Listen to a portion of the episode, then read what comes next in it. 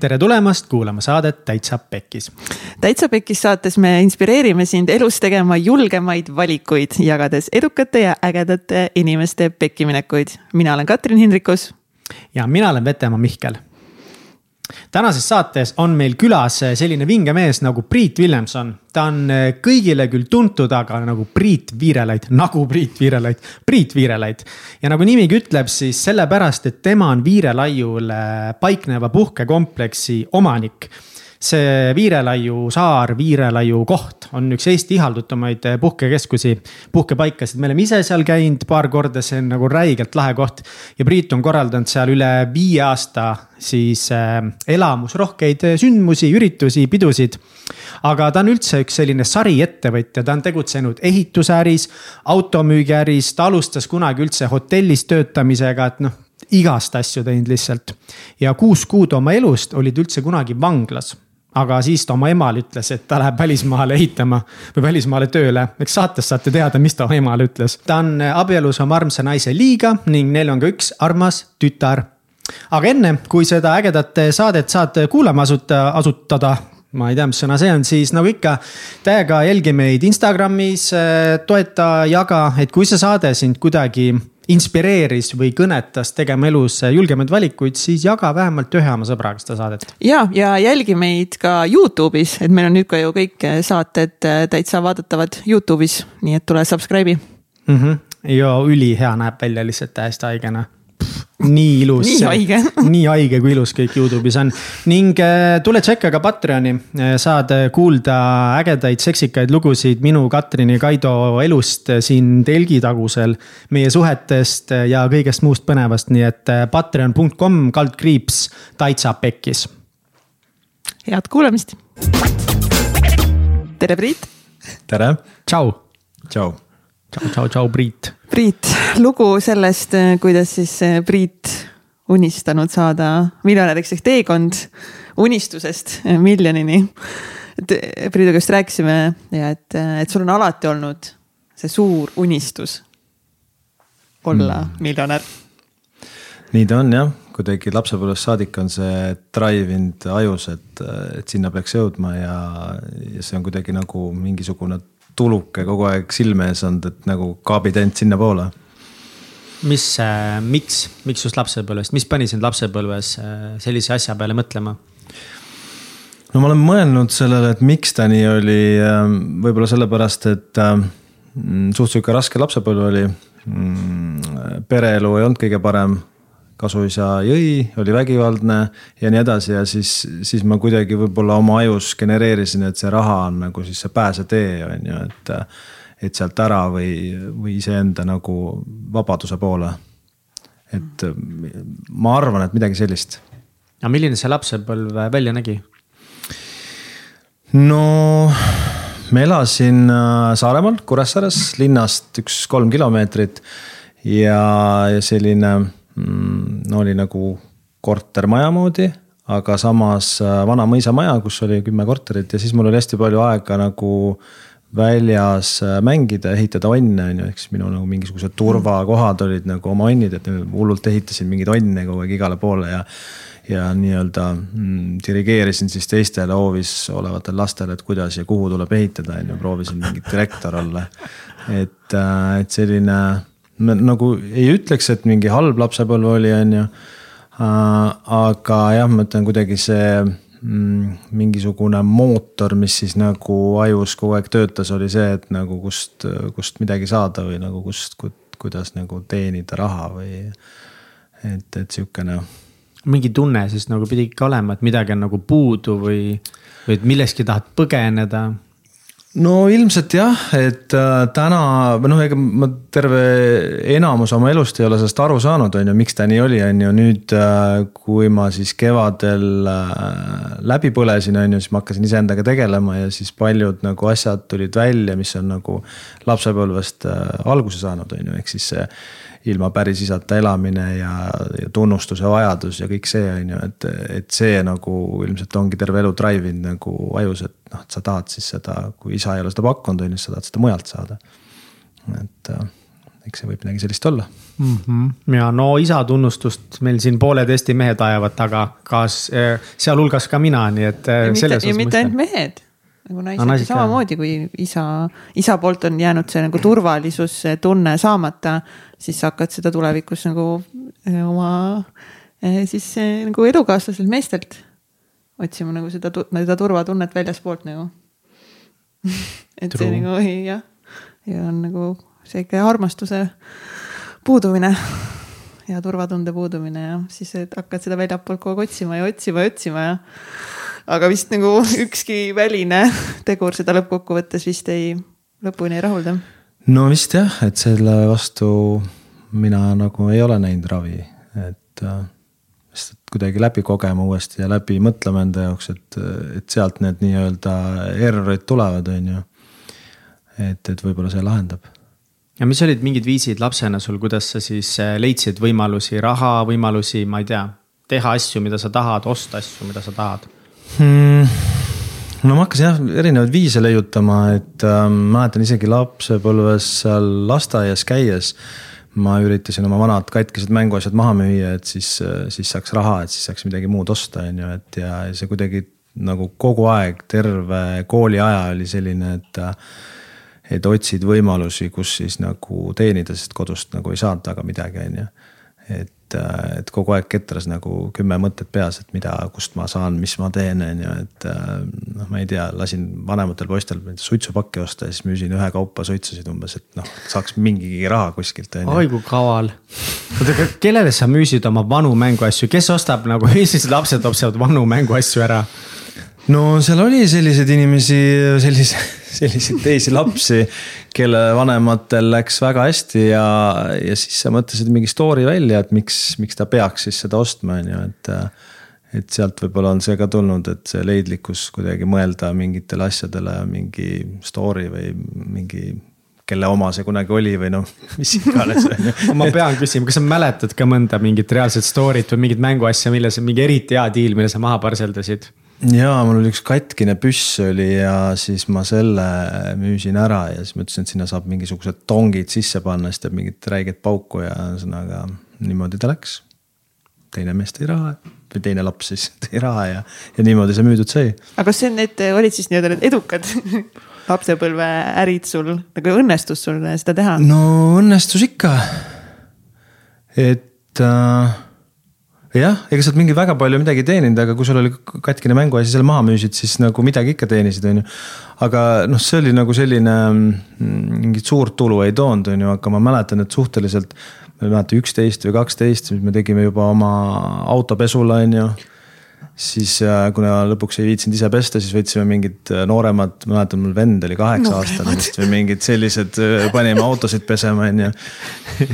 et ähm, ja siis mõtlesid, kuidas reklaamida, kuidas kliente tuua, siis lasime neil viia mingeid neid, printisime mingeid paberlipakaid, umbes tule pese meie juures autot või no ühesõnaga kogu aeg oli mingisugune, et kust, kust mida saada, on ju, et, et selline Vau, see mingi kaksteist juba full äri mõttes juba, et kust saab nagu tööjõudu sisse. ise ei taha nii palju teha, reklaamimine, ma ei tea, Mihkel, mis sa tegid, kui sa kaksteist olid? ai, mul oli Nasdaqi kompanii ja SB viiesajas olin oma ettevõttega. aga see on nagu huvitav, et äh, nagu tänapäeval nagu noortel on seda materjali suht lihtne kätte saada, et nagu okei okay,, et mingi how to start a business või how to wash cars viskad mm -hmm. Youtube'i kuskile või, või eesti keeles saad seda kõik otsida aga kus, mis sind nagu inspireeris, kas see kõik tuli sinu enda seest või sa otsisid, vaatasid ringi ka või mis sind kuidagi nagu aitas nende mhm. asjade läbiviimisel? ma ei teagi, see kuidagi nii loomulikult tuli, see tahe nagu midagi teha, ma nagu otseselt nagu ei mõelnudki seda. eks ta oli kuskil kuklas oli kogu aeg mingi, mingi mõte, et nagu mida teha või kuidas saada või, või noh, ma ei tea, nagu kogu aeg oli selline rahutu olek, on ju, kogu aeg nagu mõtlesid aju mõtles, et kus ma nüüd toon, on ju mingi, ma ei tea, kellegi vanaisa olid mingid ehitusmaterjalid üle. siis tõime need ära, müüsime need kuskile maha, et noh, kogu aeg nagu oli sihukene mingi, mingi asi, drive oli sees, sihukene tohutu rahutus nagu, et tahe teha nagu. aga kuidas koolis õpilasena? no keskpäraselt nagu neljad-viied ja maksud maha, siis jäidki kolmed järgi ja et äh, jah mingi matemaatika oli tugev ja kõik need nagu reaalained, aga muud asjad, ega ma nagu väga usin õppija ei olnud, et pigem proovisin mm. nagu kodus vähe õppida ja, ja nii-öelda koolist läbi saada, et. kas see oligi pigem siis, et sa ei tahtnud ka kodus olla?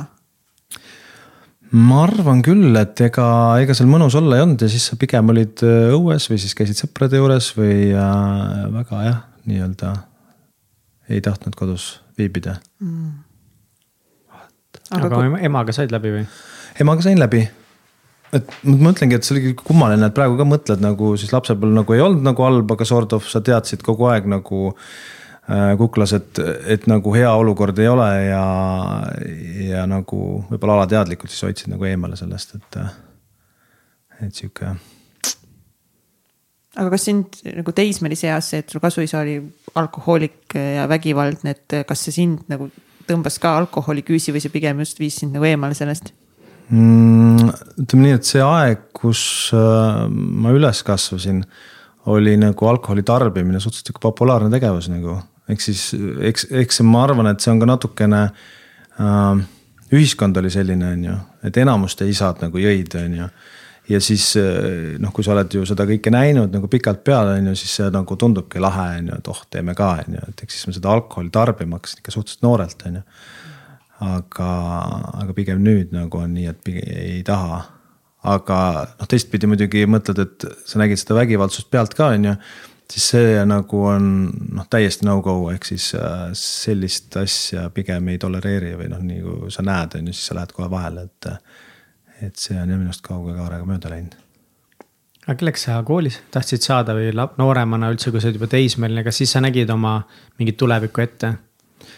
no ma mäletan seda, et ma, kuna ma elasin kolm kilomeetrit koolist ja tihtilugu kõndisin siis koolist koju, on ju sest et äh, bussiga ei saanud või bussiajad ei klappinud, on ju. siis ma mäletan, ma kogu aeg nagu mõtlesin, et ma tahan saada miljonäriks ja, ja mul nagu ei huvitanud nagu, et mis alal või ma ei tea, umbes, et äh, hakkan ettevõtjaks või hakkan arstiks või don't care, lihtsalt, et tahan saada miljonäriks. siis ma unistasin, oo mul on kaks autot ja maja ja noh, nagu kogu aeg ainult see mõte, et et oleks ainult see miljon, miljon käes, et siis on nagu kõik hästi, et siis on elu nagu õnnelik. et jah ja mis sa siis edasi tegid peale kooli? peale kooli, no siis ma kolisin Saaremaalt äh, Tallinnasse ja hakkasin ülikoolis käima, aga ülikooli ajal äh, oli ikkagi vaja tööl käia, et muidu nagu ei elanud Tallinnas ära. ja siis oli huvitav, et mu esimene töökoht oli äh, Viie tärni hotellis, ma olin pakikandja ehk siis portjee on ju. aga kuna ta oli Eestis ainuke Viie tärni hotell tol ajal, siis äh, mm, siis ma suht kiiresti õppisin ära, et kuidas klientidega suhelda ja kuidas võimalikult palju jootraha saada, et, äh, et ma räägin, ma tihtilugu teenisin rohkem kui see hotelli direktor. ehk siis iga õhtu oh. läksid koju, sul olid taskud raha täis, on ju, siis sa lihtsalt oskasid inimestega suhelda ja tegid nii, et neil hea oleks. oota, aga kuidas, mis sa tegid siis, mis, mis need nipid ja trikid siis olid, mis, et sa said nii head tippi? no see on nagu selline seal hotellis oli ainult kakskümmend kolm tuba ja siis kogu see suhtlus oli hästi personaalne, on ju. Ja, ja sa lihtsalt tegid klientide elu nii heaks. Äh, noh, ei kujuta ette mingeid näiteid, on ju, et ma ei tea, mingi jaapanlane oli mingi überrikas, tahtis minna Saaremaale, on ju, et aita organiseerida, on ju ja siis ma tegin niimoodi, et ma organiseerisin terve reisi ära, võtsin ta auto peale, ehk siis ma tegin ise selle kogu tripi ära, on ju, ja suhtlesin temaga, on ju, et sealt sain, mäletan, kolm tuhat krooni, mis oli tol wow. ajal, mäletan, palk oli mul kaks tuhat viissada, ehk siis ma sain nagu kahe päeva eest kolm tuhat lihtsalt tippi nagu. ja neid, neid nagu näiteid oli, inimesed loopisid raha niimoodi, et ma ei tea, üks ütleb, et mine too apteegist peavalurohtu, on ju ja see pealerohi maksis mingi viis krooni või midagi sihukest ja ta andis lihtsalt viissada krooni jootraha selle eest. ehk siis nagu kogu aeg nagu. Nad väga rikkad inimesed see oli siis väga rikast inimeste hotell kuidagi või? jah, no tal oli noh, kallis hotell ja ta oli Eestis tol ajal ainuke nagu selline, ehk siis see kogu see koorekiht kogunes sinna on ju ja kui sa olid nagu hea, hea nii-öelda suhtleja, siis sa teenisidki hästi wow.. jälle nagu väga huvitav mm, -hmm. et äh, vaata nagu sa oskasid kuidagi leida jälle nagu mingeid võimalusi, et see on nagu sihuke mingi muster hakkab siit välja tulema. selles, et, et sa küll võib-olla, mina ei tea, sul ei ole olnud nagu sihukest isa eeskuju võib-olla ei ole olnud nagu mingit väga tugevaid nagu mentoreid, äkki võib-olla on ka, saad nüüd parandada nüüd, aga, aga sellest olenemata sa kuidagi nagu, ma ei tea, kas sa testid nagu ja analüüsid väga palju oma käitumist või sul lihtsalt ongi sihuke imeline aju antud kätte, et tulevad nii head ideed. kuidas sportjeena nagu es, erineda kõikidest teistest, kuidas saada rohkem tippi kui kõik teised? et sa pead nagu kuidagi väga nagu süstemaatiliselt või analüütiliselt või loominguliselt lähenema kõigele. Ei tea jah, ma, mul ei ole nagu mingit otsest mentorit, aga kuidagi võib-olla see kiire õppimine või kuidas nagu kuidas midagi läbi viia või, kuidagi, ma ei oskagi öelda, mul on alati selline tunne, et kui nagu tuleb see teed end on ju, sul on sein ees on ju, sa ei saa läbi, on ju, et siis, siis mul on selline kujutuspilt, et ma olen nagu väike madu, kes ikka leiab mingi augu, kes sealt seinast läbi läheb ja leiab võimaluse midagi teha, on ju, et, et sihukene. ja neid seinasid on elus väga palju nagu ette tulnud, et, et kuidagi, mina ei tea, lookled läbi oota, aga siis sa olid seal, sa olid seal töös ja teenisid nagu, nagu nii palju raha, kuidas sa ennast nii nagu tundsid järsku, et nagu noh pidid saama kaks tuhat viissada, said seal nagu kordades ja kordades rohkem seda raha käies siis ülikoolis, nagu mis sa siis tegid, kas sa jõid selle raha maha, pidutsesid, kuidas elu siis nagu oli järsku nagu, kui sul olid raha, taskud olid raha täis? Mm,? ma ei tea, ma olen kuidagi elust niimoodi olnud, et ma ei, see on võib-olla jälle la, la, la, la, lapsepõlvest tulnud. Mm. -hmm et, äh, et kui mul see raha tuli, siis ma seda raha ikkagi hoidsin, on ju, ja ma nagu siis hakkasin genereerima, et mida nagu selle rahaga teha või kuhu investeerida või. et ma nagu nii ei olnud, et ma nüüd üks päev teenisin, ma ei tea, viis tuhat on ju, et siis ma läksin selle, lõin selle laiaks, on ju, et ma pigem elasin ikkagi oma nagu nii-öelda flow'ga edasi. aga see raha ma nagu siis äh, hoidsin alles ja siis, kui tuli mingi võimalus investeerida, siis ma seda tegin ja et kuidagi nii on ta läinud millised olid investeerimisvõimalused sellel ajal üldse mm,?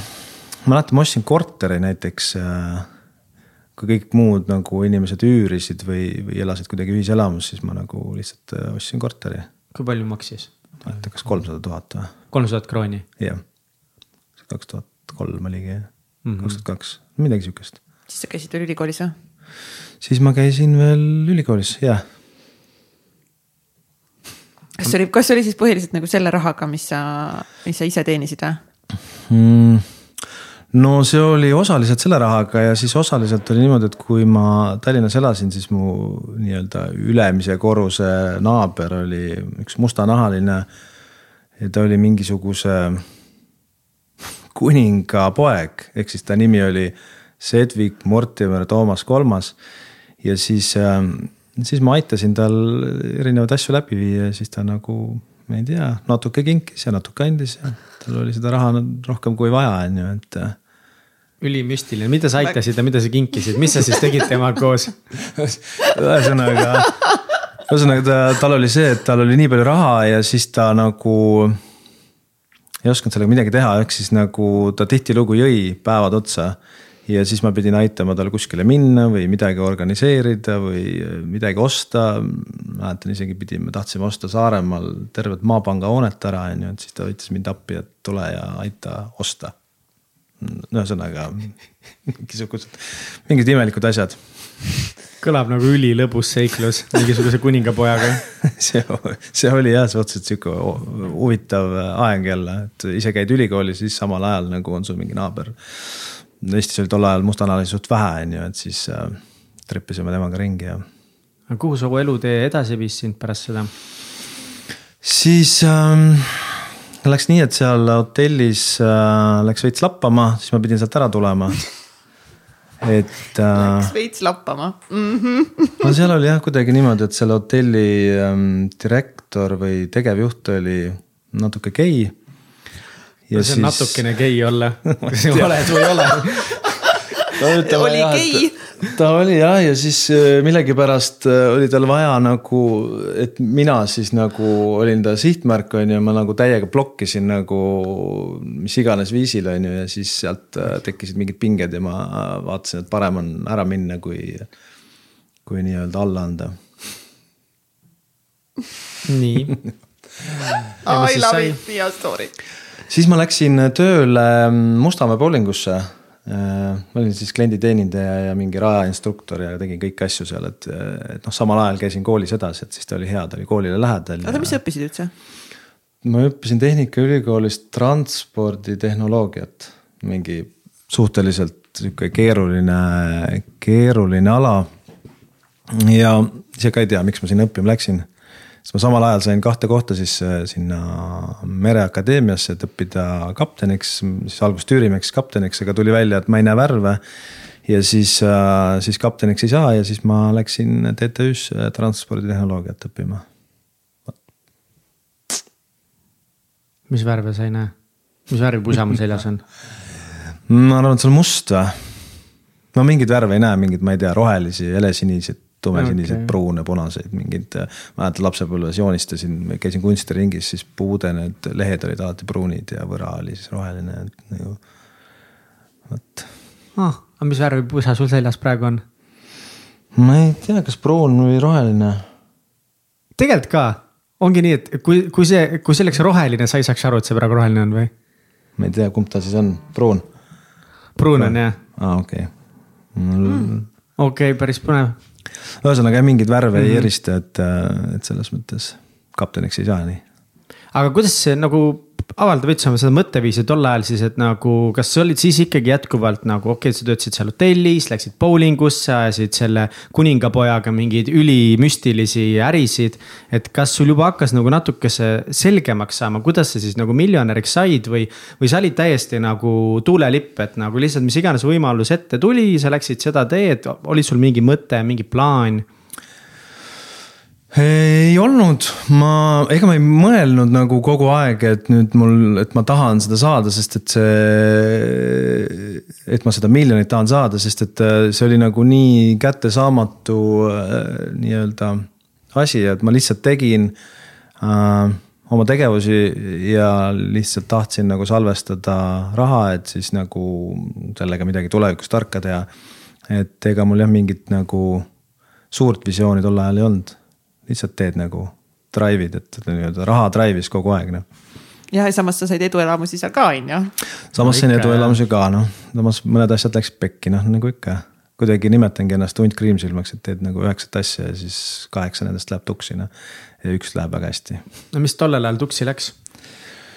no ma, ma tol ajal äh, astusin veits valele rajale ja siis ma tegin mõnda asja, mis ei olnud siis Eesti nii-öelda politsei arvates väga legaalne ja. ja siis läks see asi pekki, et äh, nad arvasid, et ma peaks kuus kuud siis äh, olema isoleeritud kuskil mm.. aga sa tahad jagada ka, mis sa siis tegid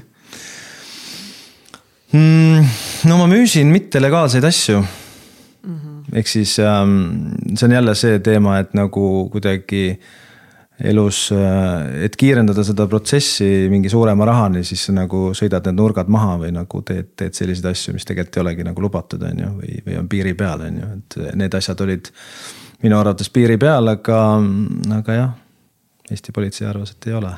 oota, aga kuidas sa siis ikkagist nagu, nagu mis sul käis peast läbi, kui sa, kui sa said nagu päriselt aru, et äh, nüüd ootab sind ees pool aastat vanglat? Mm,? ega ma ei osanudki midagi öelda, see oli selline mm, nii-öelda teadmatus ja ega ma ei, olnud uhke selle üle, ehk siis ma kellelegi ei öelnud, on ju, et eh, oma emale ütlesin, et ma lähen nüüd pooleks aastaks Iirimaale tööle ja oh.. ja siis, äh, siis seda näitemängu ma nagu mängisin samal ajal ka, kui ma ära olin, on ju, et äh, ehk siis, siis sees olles ma ostsin omale telefoni, millega ma siis vahepeal helistasin Iirimaalt nii-öelda tegin kõnesid. mida, aga kas osad, mõned lähedased tuttavad ikka teadsid? no ja väga -hmm. vähesed, võib-olla neid inimesi oli mingi neli-viis inimest, kes teadsid nagu, üldiselt ei teatud aga sa kuidagi valmistasid ette ennast ka vanglaks, saab kuidagi ette valmistada vanglaks või mm,? Saab ikka ette valmistada, ma selles mõttes uurisin, et kus on kõige, võiks olla kõige parem olla, on ju, siis öeldi, et Pärnus on nagu kõige toredam võib-olla, et kõige lihtsam olla. ja siis ma üritasingi nagu teha mingit avaldust, minna koha peale, teen avalduse, et kirjutan nagu siis. Äh, et palun viige mind Pärnusse üle, on ju ja see juhtus ka veel niimoodi, et ma veel viisin oma naise koju, on ju, ta hakkas süüa tegema, siis mõtlesin, ma lähen teen selle avalduse ära ja siis tulen tagasi, on ju, ja siis ma kirjutasin selle avalduse ära. Ja tulin, hakkasin nagu siis välja tulema sealt vangla uste juurest ja siis kuidagi hüüti tagasi, et tule nüüd äh, korra, korra tagasi, et üks asi jäi allkirjastamata ja siis öeldi, et okei okay,, nüüd on kõik, et nüüd sa pead siia jääma, et umbes savi, et kodus süüa tehakse või mis iganes, on ju, et nii, et ma ei saanud väga palju ette valmistada, et oota, kui vana sa olid? kakskümmend kaks või? aga tol päeval siis, kui sa läksid avaldust tegema, siis sa juba jäidki sinna? Nad ei lasknudki ära? ei lasknudki ära jah, et Aga- mul mitte midagi kaasas ei olnud nagu lihtsalt. naisele said kuidagi teada ei anda? saanud, ei saanud. lihtsalt ei ilmunud lambist õhtu enam lihtsalt koju ei? ilmunud jah, auto jäi sinna maja ette parklasse ja nii edasi, et äh, ühesõnaga ma ei saanud jah sealt tulema. aga mis siis nagu edasi sai, mäletad neid mingi järgmisi sündmusi? No siis ma istusin äh, seitse päeva Tallinna vanglas karantiinis, ehk siis, et vaadata, et kas sul mingit haigust ei ole ja, ja nii-öelda terve inimene oled või noh, mingid siuksed reeglid olid, on ju, ja siis juba edasi viidi Murrusse ja. siis olid seal nädal aega ja siis viidi avavanglasse nagu, siis istusid kuus kuud või noh, kokku oligi kuus kuud. Vau, kuidas oli vanglas olla, nagu mis see kogemus oli, mis olid mingid mõtted, mis su peast läbi käisid, kuidas vanglasse ellu jääda, eks mul on nii palju küsimusi selle kohta. võib-olla alguses, et oligi, et nagu mis olid su hirmud? Või nagu mis, mis sa mõtlesid seal saama? Nagu, mis sul nagu kujutus oli, sellest vanglast? no ega ei osanud midagi ette kujutada, see on niisugune hunnik teadmatust, et äh, et ma nagu, nagu ma ütlesin, ma ette ei valmistanud ennast, siis sa lihtsalt äh, nii-öelda olid ja, ja toitusid nendest teiste äh, nii-öelda ütlustest või, või rääkimistest. ja mis ma siis proovisin hästi palju lugeda ja kuidagi nagu olla mõttes kuskil mujal, et, et sihukene ähm, no vot, sihuke teadmatus oligi aga kas sa kartsid, et äh, ma ei tea nagu, oota, mis vanglas oli, kus sa olid? murru Murru vangla, kas sa kartsid, et nagu, et sa pead seal mingeid illegaalseid asju vangla sees ka tegema, et umbes ellu jääda või noh, me oleme kõik filmidest näinud, on ju vanglagängid, vanglakambad, siis on ju noh, tullakse sind panna, ma olen filmidest, noh filmidest näinud. kohe pannakse proovile sind on ju, et kas sa oled mingi tossik või sa oled mingi kõva mees ja. kas see No- nagu oli nagu selline veits nagu filmides tundub no.? veits nagu oli, ehk siis äh, kui see, ma nädal aega olin seal nii-öelda murrus karantiinis ära olnud, on ju, siis tuldi, küsiti, et kuhu plokki tahad minna, on ju. kuulnud, et siis viies plokk on see, kus on nagu, nagu kõige mm, tähtsamad inimesed või kõige, kõige nagu parem plokk, kus olla, on ju, siis ma ütlesin, ma tahan sinna minna. Aga kuna keegi mind ei oodanud, ma ei olnud kellelegi ette öelnud, et ma lähen sinna, siis, siis see oli umbes niimoodi, et, et sa võtsid oma siis selle madratsi keerasid rulli, on ju, koti võtsid kätte ja sa seisid seal nagu siis selles plokis äh, seina ääres, seal olid teised inimesed ka, on ju, ja siis äh, nii-öelda sulle ei antud kohta, et näed, sinu voodi on ju. vaid lihtsalt sa olid nagu turul, ehk siis äh, sind nagu siis võeti, on ju, et kuhu sa siis lähed nagu, kelle tuppa või kuhu, mida iganes. ja muidugi siis käib selline nagu konksutamine, et kuhu sa siis lähed umbes, et lähed sa kellelegi seal neid ähm, sokke pesema või, või siis äh, no ühesõnaga siukene no terve päev nagu tiksud seal on ju, aga kuna ma ei olnud nõus nagu midagi tegema, mingit tööd või mis iganes tegema, siis ma lihtsalt istusin seal ja ootasin, mis siis saama hakkab. ja siis lõpuks äh, sain omale koha nii-öelda paremasse tuppa, paremale korrusele, aga noh, muidugi ma pidin selle eest maksma tol ajal. et äh, aga noh, nii see käis okei okay,, aga me- ühesõnaga, et mis see konksutamine tähendab, et erinevad inimesed nagu tulid sinu juurde, oh kuule, sa võid mu sellesse ruumi tulla, kus hakkadki mu sokke pesema või mis tegema, muid asju tegema no.. umbes nii jah. ja mis sa siis tegid, saatsid perse või ütlesid viisakalt? ma ütlesin, et mis ma ei nagu seda jah. kuvandit sa endast proovisid jätta? ei, ma selles mõttes olin viisakas, ma ikkagi ütlesin, et ma ei soovi selliseid asju teha ja ma lihtsalt keeldun, et ma ei, ma ei ole nõus. noh, siis mm, -hmm. siis nad läksid minema ja siis tulid järgmised ja niimoodi ta käis. Palju seal, palju seal siis oli neid inimesi? seal oli kokku kakssada inimest, kõik olid nagu lahtiselt, ehk siis ähm, alates mingist roolijoodikust, kes oli paar korda purjus peaga sõitnud, kuni äh, minu arust kõige hullem mees oli tapnud kaks või kolm inimest, noh. Need kõik on nagu lahtiselt ja kõik suhtlevad omavahel, nii et sihuke suur kogemus. aga need ko- kongid, ruumid olid ikkagi eraldi? Need olid magamiskohad eraldi., magamiskohad olid eraldi, aga kõik oli lahti selles mõttes, sa võisid igale poole minna, igale poole käia. kas seal oli vägivalda ka palju? No oli, ma ütleks, et väga palju, aga kui, kui ikkagi toimus mingi pidu või joomine, siis, siis seda ikka juhtus. kas vanglas mitte ei tohiks joomisi olla teoorias? aga aasta oli siis jah mingi kaks tuhat. no see ma räägin kakskümmend aastat tagasi jah. ja, et siis juhtus igasuguseid asju seal. aga kuidas see joomine seal välja näeb, kuidas nad smuugeldavad, kuidas nad valvurite kaudu alkoholi sinna või, või valvurid müüvad täitsa või see on, põhimõtteliselt toovad sisse jah mm. -hmm. et sa, kelle raha on ju, sellele tuuakse kõik asjad sisse. Kuidas sa üldse oma rahale ligi pääsed?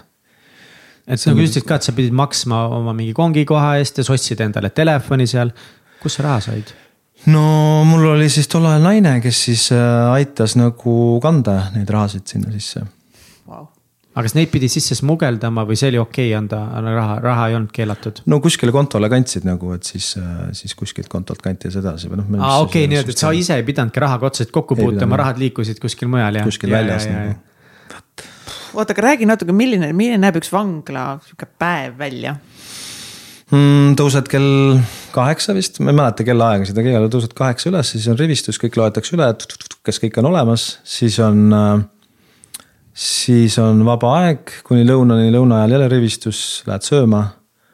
siis jälle vaba aeg ja siis jälle rivistus ja siis lähed magama, ehk siis nagu kaheksast kümneni oli sul nagu selline, sa võisid seal hoovis jalutada. hoovis oli tehtud sihuke ise tehtud treeningsaal võisid trenni teha või noh, mis iganes, lugeda raamatuid või olla, nii et. kuidas sina oma päevasid täitsid? no ma üritasin ikkagi võimalikult palju trenni teha, ehk siis nagu mingit kasulikku asja teha, ülejäänud aega lugeda raamatuid ja nii-öelda lugesin päevi ka, et palju jäänud on veel. Aga sa neid, seda trenni tegid nagu rohkem sellel eesmärgil, et olla nagu näha hirmuäratavam välja, näha tugevam mm. välja või lihtsalt ainult sellepärast, et hullult igav on? no ta oli nii ja naa selles mõttes, et äh, neid inimesi, kes trenni tegid ja, ja nii-öelda, eks seal käis ka võistlused, kes kui palju lükkab rinnalt üles ja nii edasi, on ju, et kui, kui vaadati, et sa ikka oled äh, nii-öelda tugev inimene, siis vähem puututi. mingeid jamasid ka juhtus või? mäletad mingeid äh, ohtlikumaid seikasid või?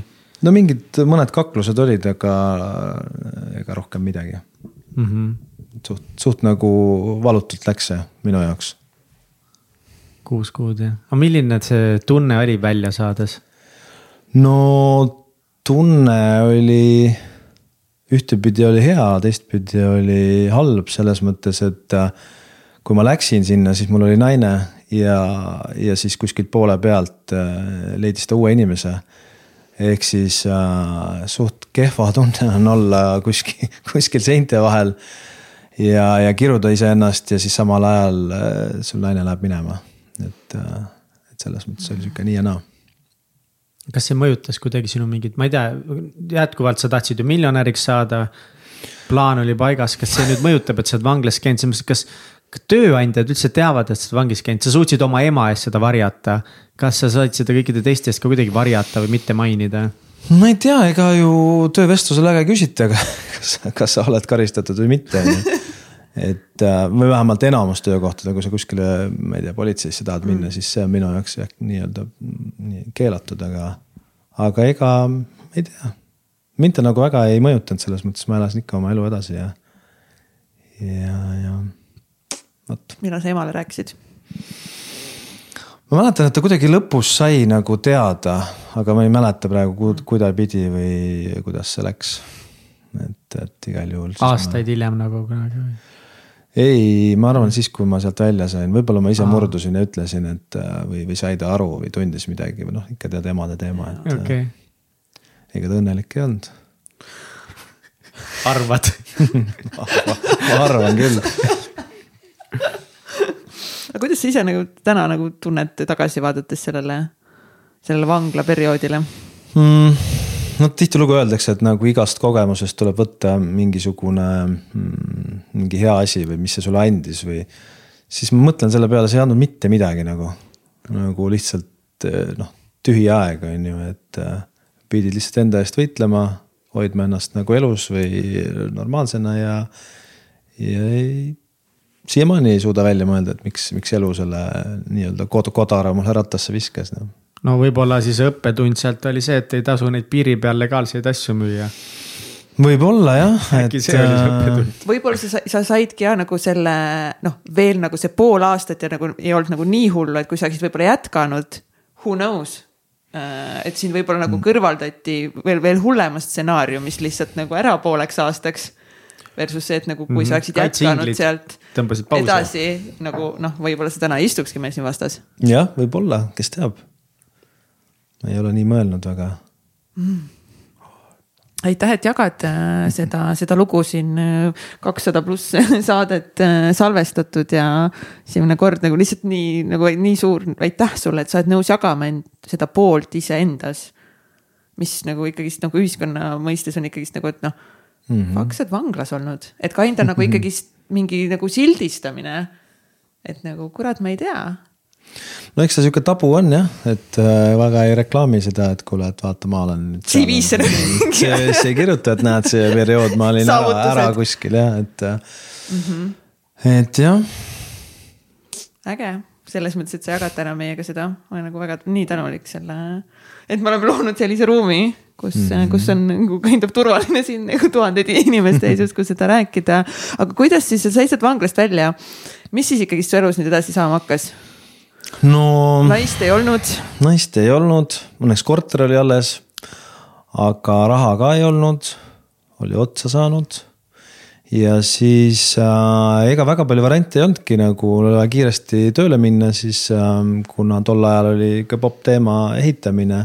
Ja see oli nagu, võisid päevapealt minna kuskile ehitajaks, siis ma läksingi mingeid parkette panema ja liiste panema ja sihukest äh, ehitustööd tegema, aga see nagu kuidagi üldse ei, ei meeldinud, kuidagi tundsid, et see ei ole nagu minu jaoks, kui noh, kuigi ma tegin seda, ma mäletan nagu tead hommikust õhtuni lihtsalt lugesid oma meetreid ja teadsid, kui palju ühe meetri liistu eest saab nagu raha.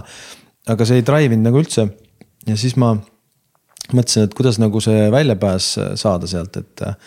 Ja siis ma hakkasin äh, CV-sid saatma, et kui ma lugesin CV sealt online'i ja keskust on ju, siis äh, siis ma alguses saatsin lihtsalt CV-sid, vaatasin keegi ei kirjuta mulle vastu, on ju, siis ma nagu vaatasin, et okei okay,, et ma pean nagu massiga peale minema, et ma saatsin igale poole oma CV-sid. et, äh, et järsku kuskilt haagib, ma ei lugenud läbi, kuhu või mis või kelleks või nagu üldse ei huvitanud nagu noh, kuidagi, kuidagi nagu massiga lendasin peale.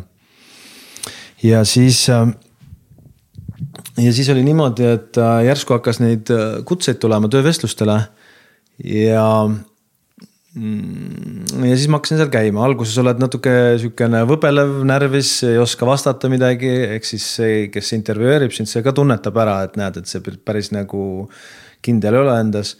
aga aga kui sa järjest käid, on ju, siis äh, ja enamus neid ameteid, kuhu ma siis kandideerisin, olid ka sellised, mis äh, nagu tegelikult ei olnud minu jaoks loodud. ma ei tea, näiteks äh, läksin Villeroy Pohh poodi nõudemüüjaks, on ju mm. -hmm. siis vaatasid, okei okay,, et see ikka päris minu jaoks ei ole, on ju ehk siis käisid nagu mingis kümnes eri kohas, on ju, aga, aga mis siis juhtus, oli see, et töövestlustel muutusid järjest kindlamaks, on ju, ja, ja tegelikult ei huvitanud enam, kas sa saad tööle või ei saa, et lihtsalt nagu käid, on ju et see läks nii hulluks, et vahepeal äh, käisid kolm korda päevas töövestlusel.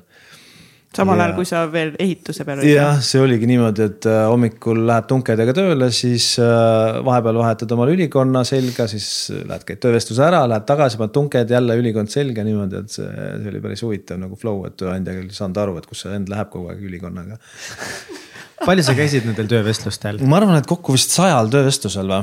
aga miks sa arvad, et miks sa pidid sajal töövestlusi käima ja kuskile nagu enne ei saanud?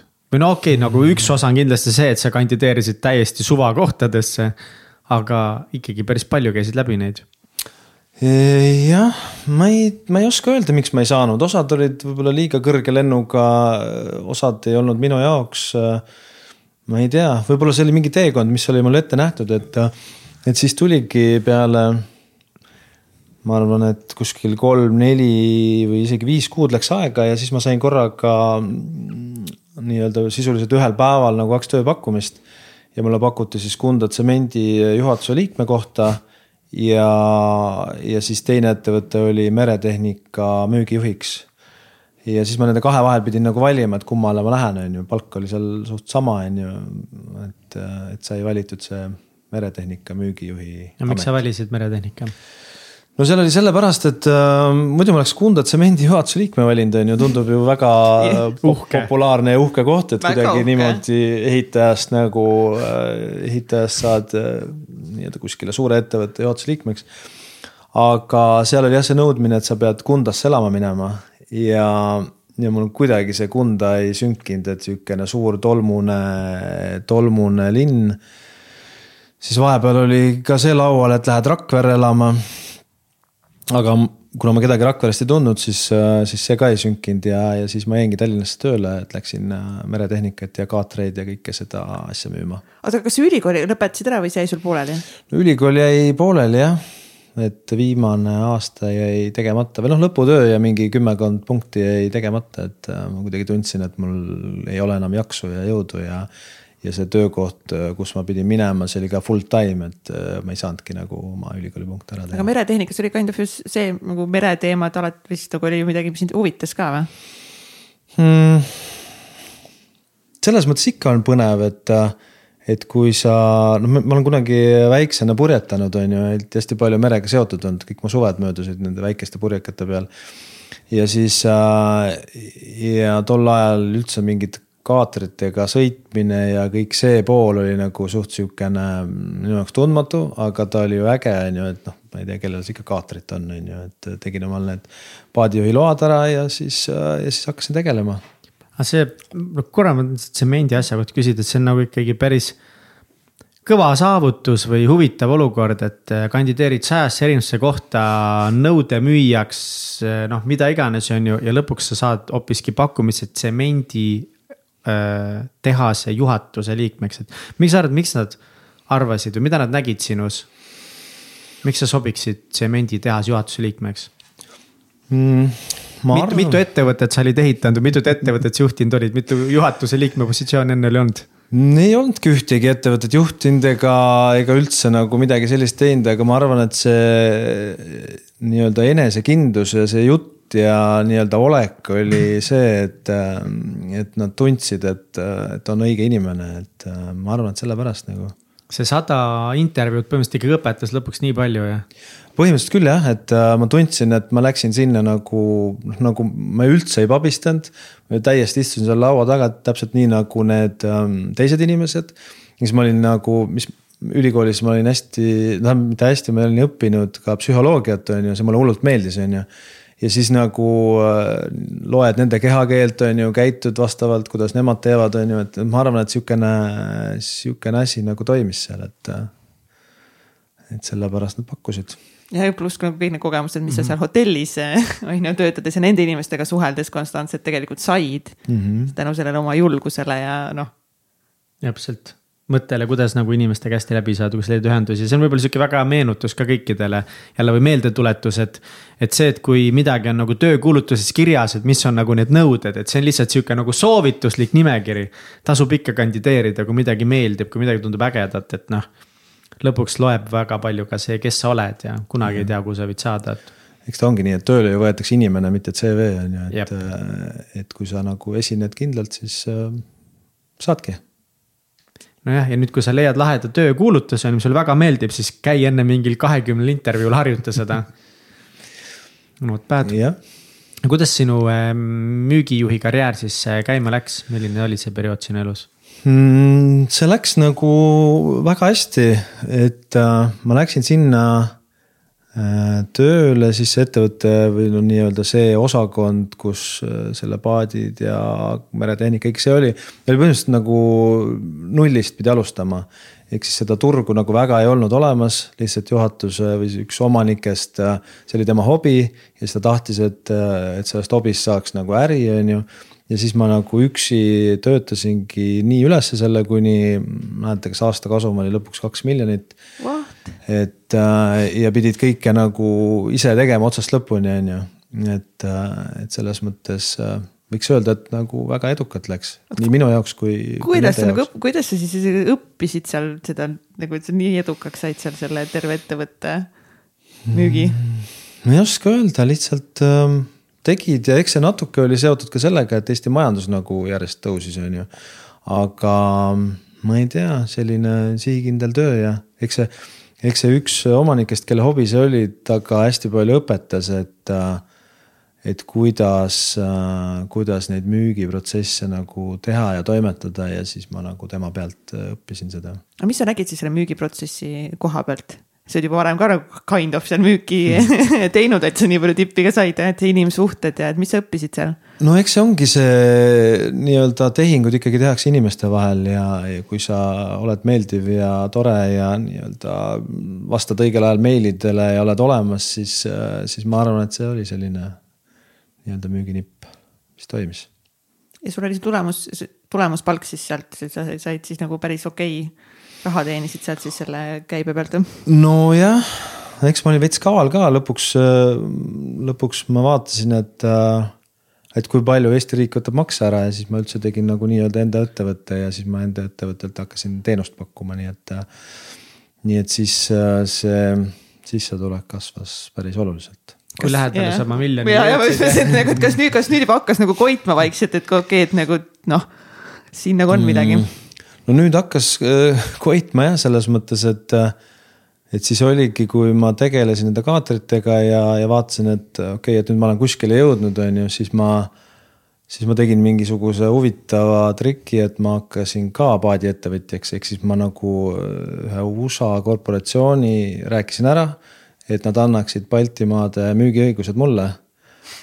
aga, aga see see ei käinud üldse nii lihtsalt, et, et vot see on niimoodi, et äh, ei no Priit, sa lihtsalt rääkisid ära nagu, ellasid jõuklee no ja nad siis äh, saatsid kirju, et saada nagu oma kontorist pilte ja saada sellest marinast pilte või noh, nagu sadamast, et kus teie jahid seisavad ja saada, mis teil laos on ja ja siis ma käisin, mul polnud ju mingit kontorit ega midagi, on ju, siis ma Pirital käisin, tegin Pirita sadamast pilte ja siis vaatasin, seal oli mingi kontori üürida, siis äh, kopisin need pildid ja siis saatsin ära ja siis saingi nagu Soome või selle Ameerika mingi kõige suurema paadikorporatsiooni nii-öelda diili endale.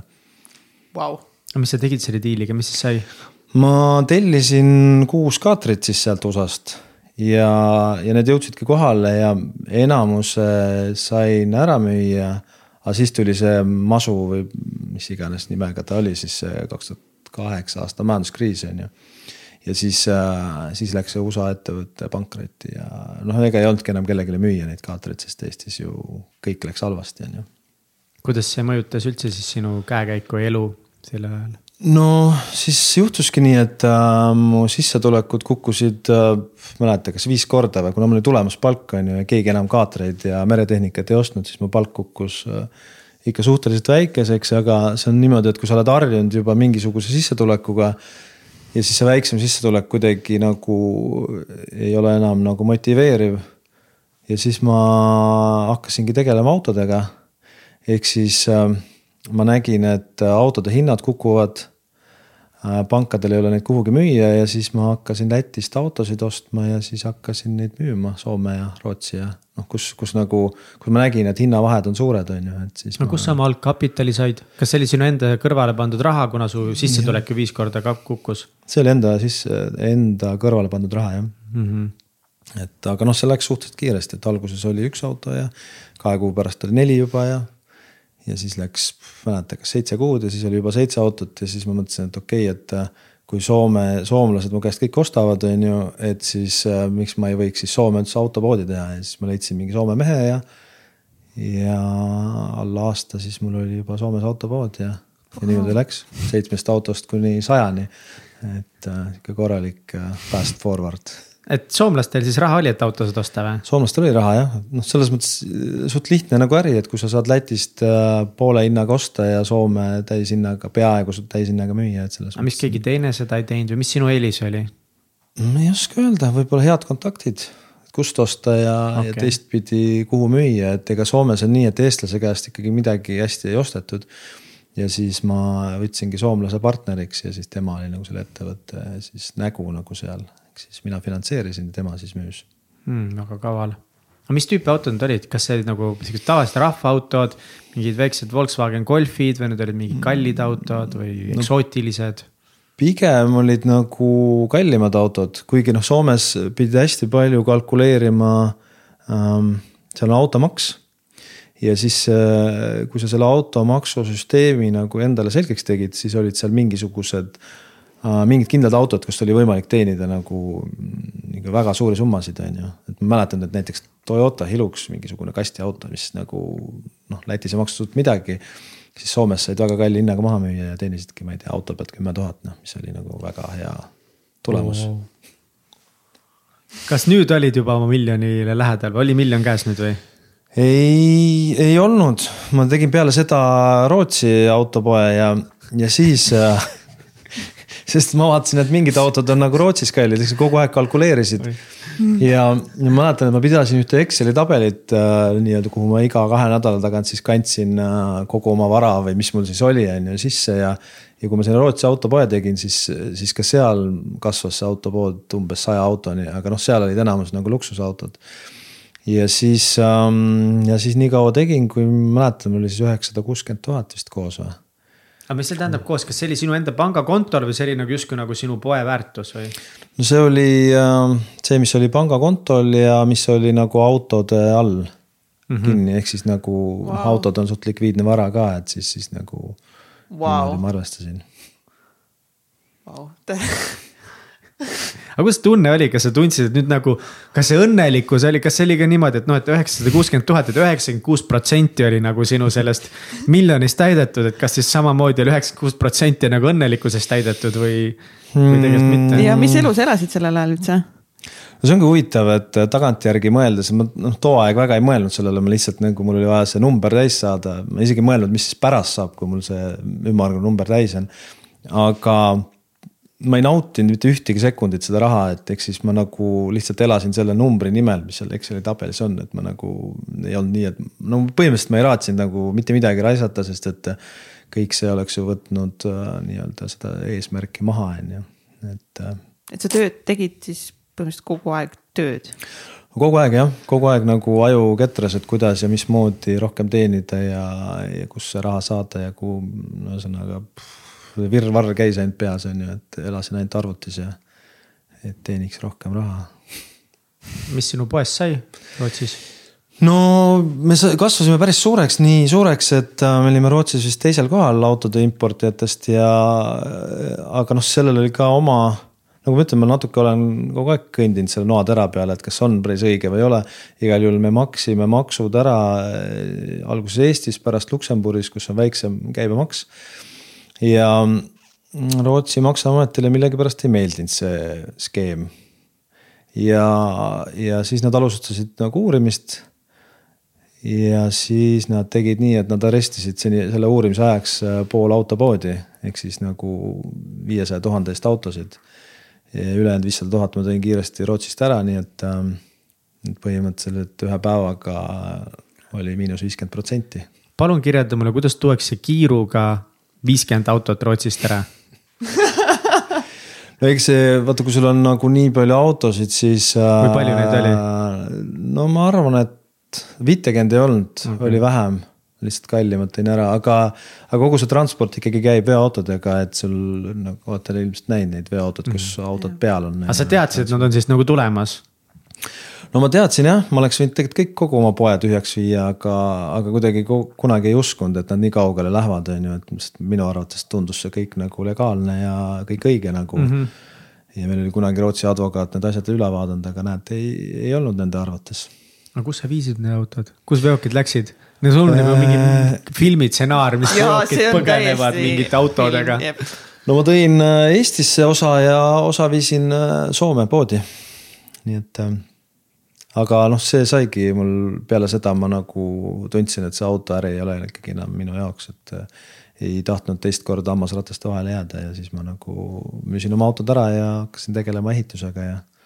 aga Soome, Soome autopood, kas sa jääd mingiks, mingiks osanikuks või omanikuks, et see pood toimetaks ise edasi?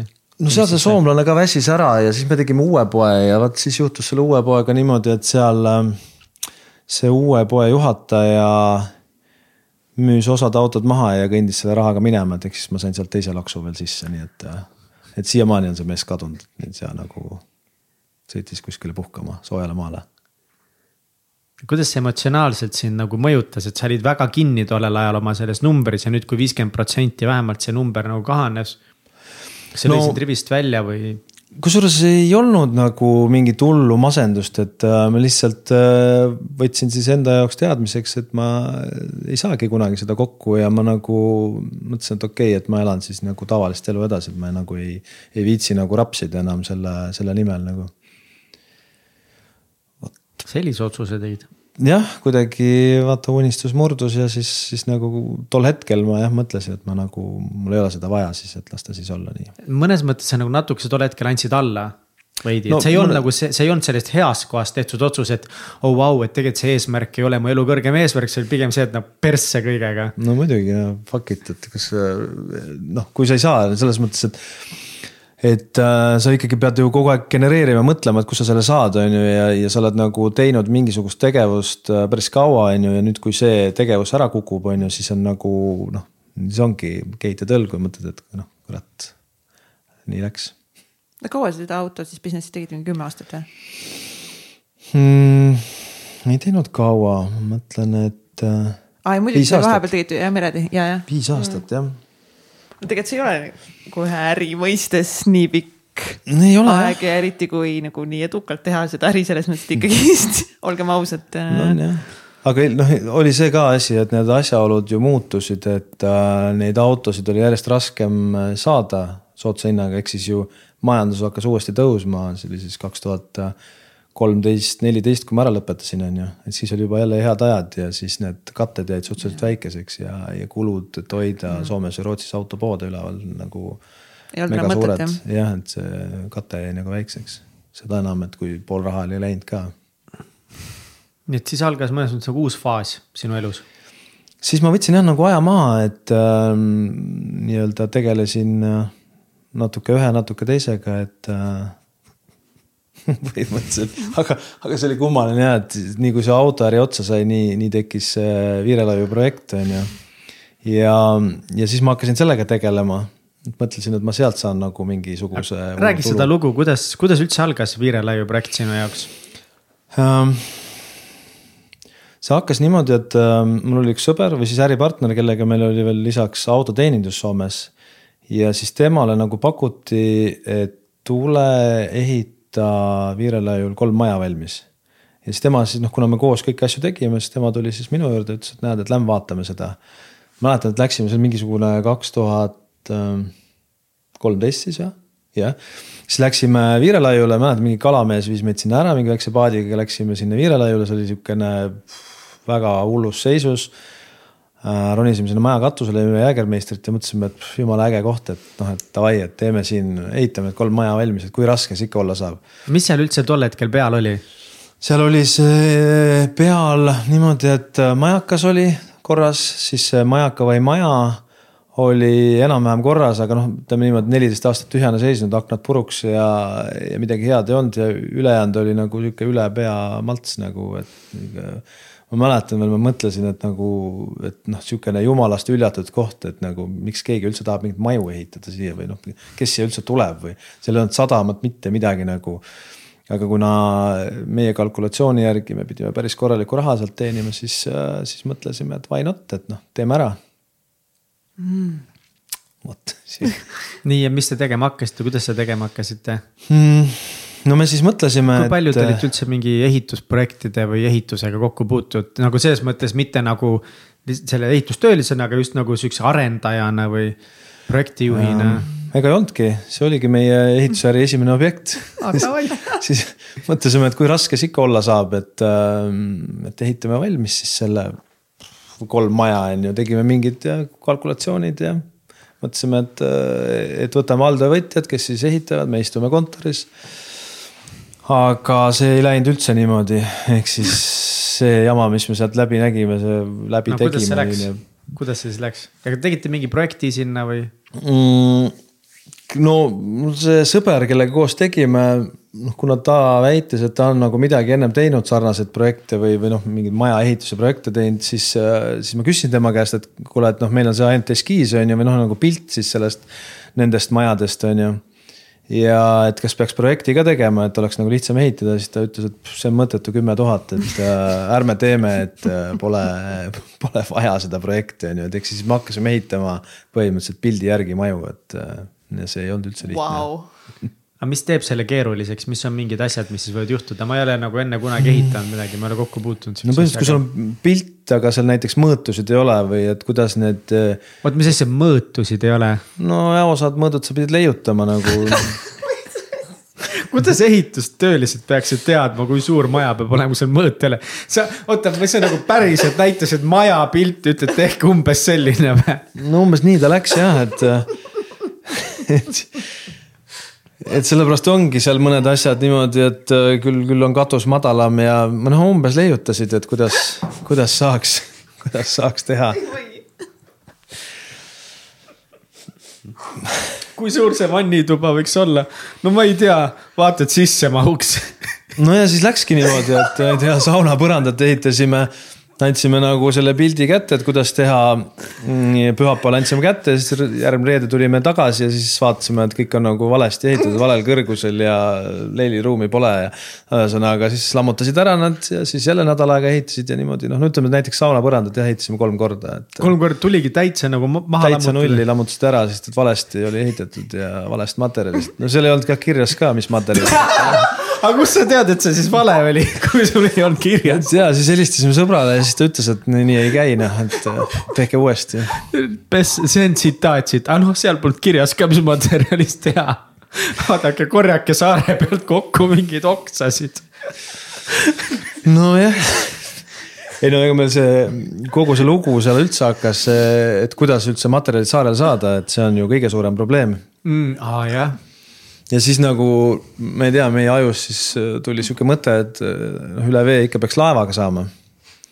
ja, ja siis me otsisime mingit laeva, on ju, ja siis, siis, äh, siis tuli mingi välja, et üks Veeteede Ameti laev või selle kapten siis teadis, et kuidas saab sõita Viirelaivale nii lähedale, et siis ta tõstab nagu sealt laeva pealt kraanaga need materjalid otse saarele, on ju, temal on sihuke veneaegne kaart, on ju et ta on käinud küll seal, et on olemas sihuke koht, on ju. ütlesin okei okay., siis me tellisime kolm rekkatäit puitu Kuivastu kai peale.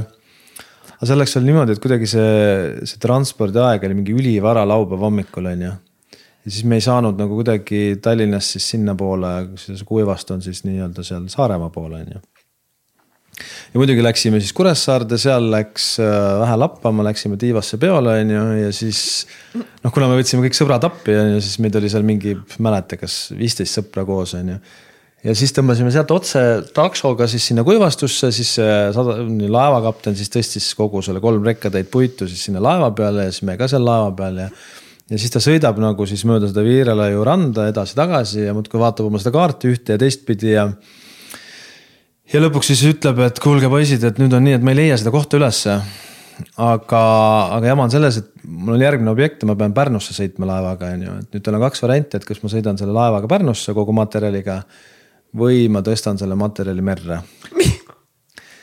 ja me siis vaagisime, et kumba pidi teha, on ju, see Pärnu tundus hullult halb variant, sest et noh, siis Pärnust on vaja see uuesti saada Virtsu või Kuivastusse on ju ja siis on ikkagi vaja Viirelaiule saada ja siis äh, lasime tal merre tõsta kogu selle materjali.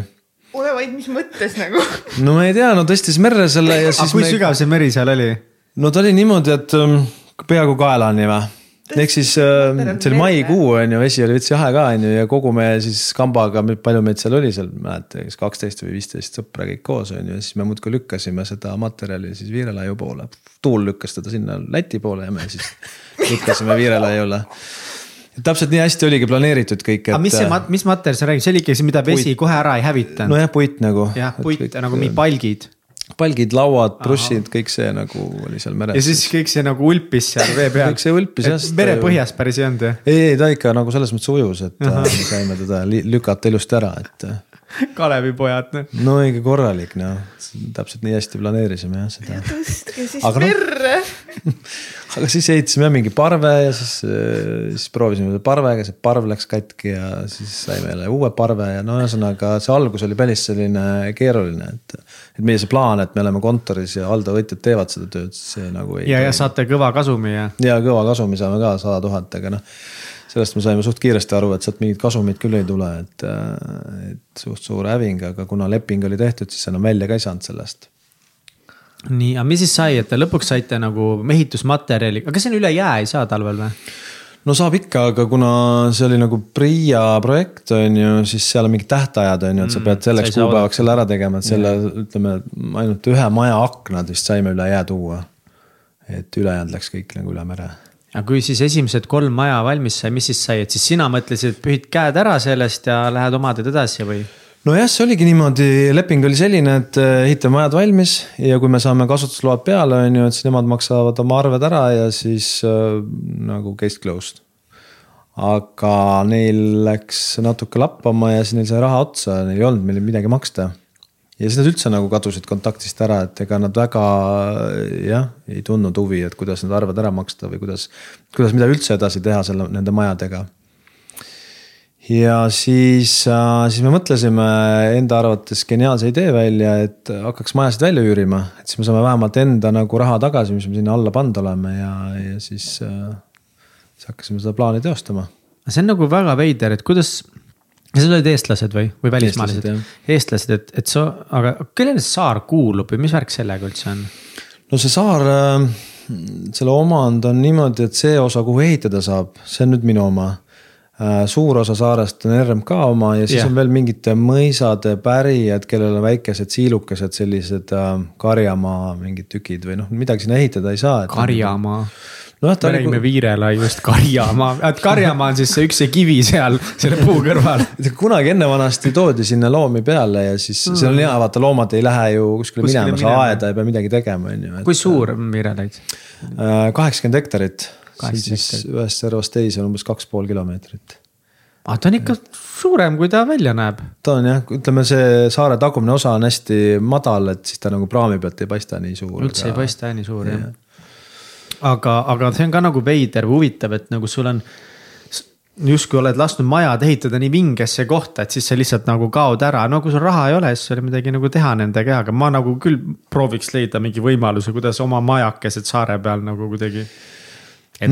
Nojah, ta läks kuidagi niimoodi, et äh, no seal oli ka niimoodi, et iga maja oli noh, tol ajal popp ju PRIA-st raha võtta nagu ja siis oli iga maja oli oma OÜ ja igale majale oli oma toetus võetud, on ju, ja siis äh, ja siis mingi hetk äh, hakkas politsei huvi tundma, et, et kuidas niimoodi saab, et äh, kolm, tegelikult on üks kompleks on ju ja siis on iga maja on eraldi ja, ja siis igale majale on toetus pandud, et eks siis, siis jah, kaks tuhat kuusteist aastal see politsei sekkus sellesse ja.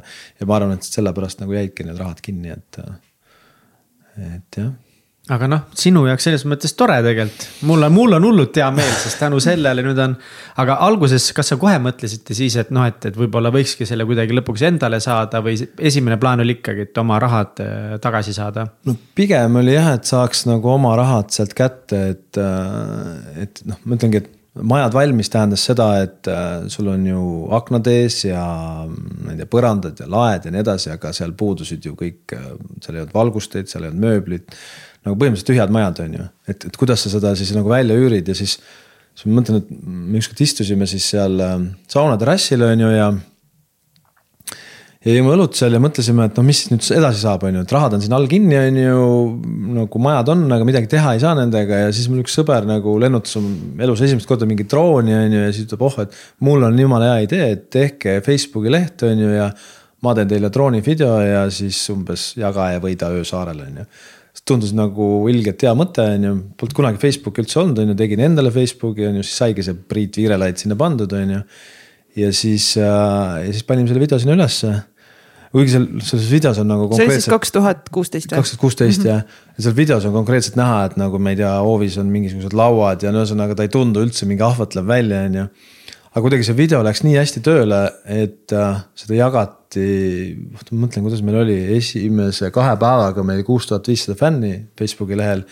ja videot oli kolmsada tuhat korda vaadatud, on ju ja siis hakkasid mingisugused bronnid tulema, on ju, et oh, me tahame tulla, on ju, teile saarele, on ju, mis on nagu noh, ühtepidi on hea, on ju aga teistpidi noh, kui keegi tahab broneerida, tulla, on ju, majad on tühjad, voodid pole, mitte midagi pole, on ju siis nagu mõtled, et fuck, et kuidas nagu, kus nad siis ööbivad, on ju. Ja, ja siis me esimestele klientidele panimegi puhtsüdamlikku, ütlesime, et sihuke seis on, on ju, et noh, majad on, on ju, voodit pole, on ju, saun on, sauna saate minna, on ju. ja nad hullult tahtsid tulla ja siis oli niimoodi, et nad andsid, nad ka andsid siis meile nagu ettemaksurahana on ju mingisuguse summa, mille eest siis me ostsime nagu voodimadratsid, tekid padjad on ju, siis need voodiraamid ise meisterdasime vanast puidust ja siis nad tulid meile külla, on ju, noh, neile hullult meeldis. kuidas nad said siis sinna saarele? No siis meil oli ikkagi mingisugune väike kökatspaat nagu tol ajal, millega me tõime, noh ikka sihuke nagu siin me oleme filmis, jalad vette ja kotid pea peal ja noh, selline päris sürr oli. aga käisid ära, on ju, neile meeldis, siis nii-öelda tulid järgmised ja siis kogu aeg saime midagi jälle osta nagu juurde, et. mingi mööblitüki ja mida ei, ei saanud, selle meisterdasime ja sihuke algus oli ikka päris sihuke keeruline ja nüüd sellest on kujunenud nii ilus koht, kõik toad on piltilusad ja kaunid ja. no eks me proovime jah, võib-olla seesama äh, Viie Tärni hotellis töötamine nagu natuke mõjutas seda, et tahad nagu samasugust kogemust anda, mis sa kunagi nagu nii-öelda olid Mm, õppinud andma siis, et, et võib-olla sealt see tuleb, ma ei tea. no see kogemus Viirelaiul on ikka something else, et seda nagu midagi muuga nagu väga siin Eestis võrrelda ei saa, kui sa saad ikkagist minna niimoodi saare peale ja nagu, nagu siin ongi näha, et sa Priit, sa oled pannud oma hinge ja südame sinna sisse, aga milline see siis on? no täna meie nägime seda Viirelaidu, mis ta on, on ju, aga mm. milline see päriselt siis see teekond on olnud nagu fast forward nüüd sealt nagu noh, sest me näeme nüüd ainult nagu Viirelai, issand jumal, nii edukas, nii äge, kõik tahavad käia nojah, ütleme nii, et algus oli keeruline, nagu ma rääkisin, ei olnud ju voodeid ega patju mm. ega midagi ja. ja me, me alustasime ka niimoodi, et noh, mõtlesime, et, et kes siia jumalast hüljatud kohta üldse tulla tahab. ja siis, ja siis mõtlesimegi, et kõige parem reklaam ongi suust suhu reklaam on ju, ehk siis tahtsimegi pakkuda nii head elamust ja kogemust, kui, kui me ise nagu sooviksime saada, on ju ja, ja tundus, et see töötas ja siis me nagu järjest mõtlesime uusi üritusi ja asju välja, et, et lihtsalt saada rohkem inimesi saarele. noh, oli ka näiteks mingi loogika, et me tegime lastelaagreid esimene aasta ülipalju nagu lihtsalt selle eesmärgiga mõtlesime, kalkuleerisime läbi, nii igal lapsel on kaks vanemat, siis on nagu sugulased, vanaemad, vanaisad on ju. ja kui laps laagris ära käib, siis ta ju vaterdab kõigile, et oli tore, on ju, et eks siis nagu mingi selline matemaatiline valem tuli, on ju, et davai, teeme nagu lastelaagreid, on ju. ikka kaval, kaval. et äh, pead jah mõtlema, et kuidas, kuidas nagu juttu levitada. ja kuidas sa selle lõpuks endale said? Siis oli niimoodi, et kui me kaks tuhat kuusteist aastal alustasime, siis see ei olnud meie oma, on ju, see ei olnud üldse meie nimel, on ju, aga mina ei tea, need omanikud ka neid ei huvitanud väga. ja, ja see aeg muudkui läks edasi, on ju, kuni kaks tuhat kaheksateist, siis ma vaatasin, et oh, et. et kuule, et sellest asjast võib nagu mingit asja saada, et inimesed käivad ja neile meeldib, on ju, ja nüüd juba midagi hakkas nagu sisse tooma. ja see üks omanikest oli vist, ma arvan, et tal oli mingi elus mingi raske periood või midagi, igal juhul ta ilmus välja ja ta oli nõus äh, ära müüma oma selle osa. ja, ja siis ma selle ära ostsin ja, ja kuidagi niimoodi ta läks, on ju. teisel, seal oli kaks omanikku, teisele omanikule muidugi see lugu ei meeldinud, on ju, ta nagu siiamaani üritab kohtusse kaevata ja, ja võidelda selle nimel, kuigi täna on juba kaks tuhat kakskümmend kaks on ju, noh, nii et neli aastat on sihukest jagelemist saanud, aga, aga jah, ma olen selle endale saanud ja see, see teine omanik, neil oli nagu kahe peale või neil eraldi, et see üks omanik müüs nende mõlema eest nagu maha või? ei, ühel oli seitsekümmend prossa, teisel oli kolmkümmend, nagu et see, kellel oli seitsekümmend, see siis müüs oma osa ära. aa, nice, jess. Äh, siit eluõpetused, ostke alati enamus osalused. jah. vot jah, nii ta läks läbi valu, aga nüüd on juba hästi, need inimesed käivad ja Viirelaid on tuntud ja. no nüüd on täiega Viirelaid eh, tuntud, aga, aga kas tegid, kas sa läksidki siis eh, nagu täiesti full in, hakkasidki, tegidki ainult, oled nagu ainult seda Viirelaidu teinud praegu üles ehitanud või sa oled ikkagist nagu kõrvalt midagi muud äh, ka teinud kõik need aastad? no mulle see ehitamine hakkas kuidagi meeldima sealt nagu õpp, õppisin. kui sa teed mandril saab ehitada, siis on võib-olla. et selles mõttes selles mõttes on mandri oluliselt lihtsam ehitada ja, ja mulle kuidagi meeldis äh, see tegemine ja, ja siis ma võtsingi nagu erinevaid objekte, ehk siis kui, kui suvel oli intensiivne hooaeg, on ju, siis sügisel nii-öelda teenitud rahaga siis ostsin mingisuguse kas vana maja või vana korteri või äh, ja siis renoveerisin selle ära ja siis müüsin ära ja ja niimoodi nagu kuidagi see kinnisvara ja, ja see ehitus on mul minusse jäänud jah ja kuidas siis läheb sinu kõige tähtsamal eesmärgil siin elus, mis on, on olnud, kuidas sinu miljoni projekt läheb? no ma arvan, et nüüd on ta käes. et ma küll teadlikult seda ei teinud, aga ta kuidagi nii on läinud, et kõik need korterid ja majad, mis on endale jäänud, on ju, nende, nende väärtus on ikkagi üle miljoni. ja no Viirele ju enda eest on ka pakutud päris suuri summasid, nii et, et teoreetiliselt miljonär praktiliselt, ma ei tea, tunne on ikka sama nagu. aga enne. mis hetkel sa siis nagu, tegelikult sa enne vastasid selle küsimusele juba, mis hetkel sa lahti lasid, et aga alguses sa lasid lahti sellest miljoni eesmärgist sellisest nagu teatud pettumuses. siis kas oli mingi hetk, kus sa lasid ka nagu päriselt sellest lahti nagu sihukeses heas kohas hmm.? ma jah, nagu kui ma analüüsisin seda, et, et kui ma selle eesmärgi nimel nagu hullult rapsisin, on ju, siis äh, siis ma nagu ei olnud see aeg õnnelik nagu, ehk siis sa tegid nagu mingit asja vägisi ja, ja ei nautinud seda protsessi, on ju. siis nüüd ma proovin nagu ikkagi nautida elu ja nii-öelda noh, nauti nende vilju, et ei ole mõtet seda raha siis nautida, kui sa oled kuuskümmend on ju, või, või seitsekümmend on ju. et pigem, pigem praegu nagu nautida nii palju kui äh, võimalik. ja kas sa oled õnnelik? kas ma olen õnnelik hmm,? No hea küsimus, ma ise küsin seda vahest inimeste käest.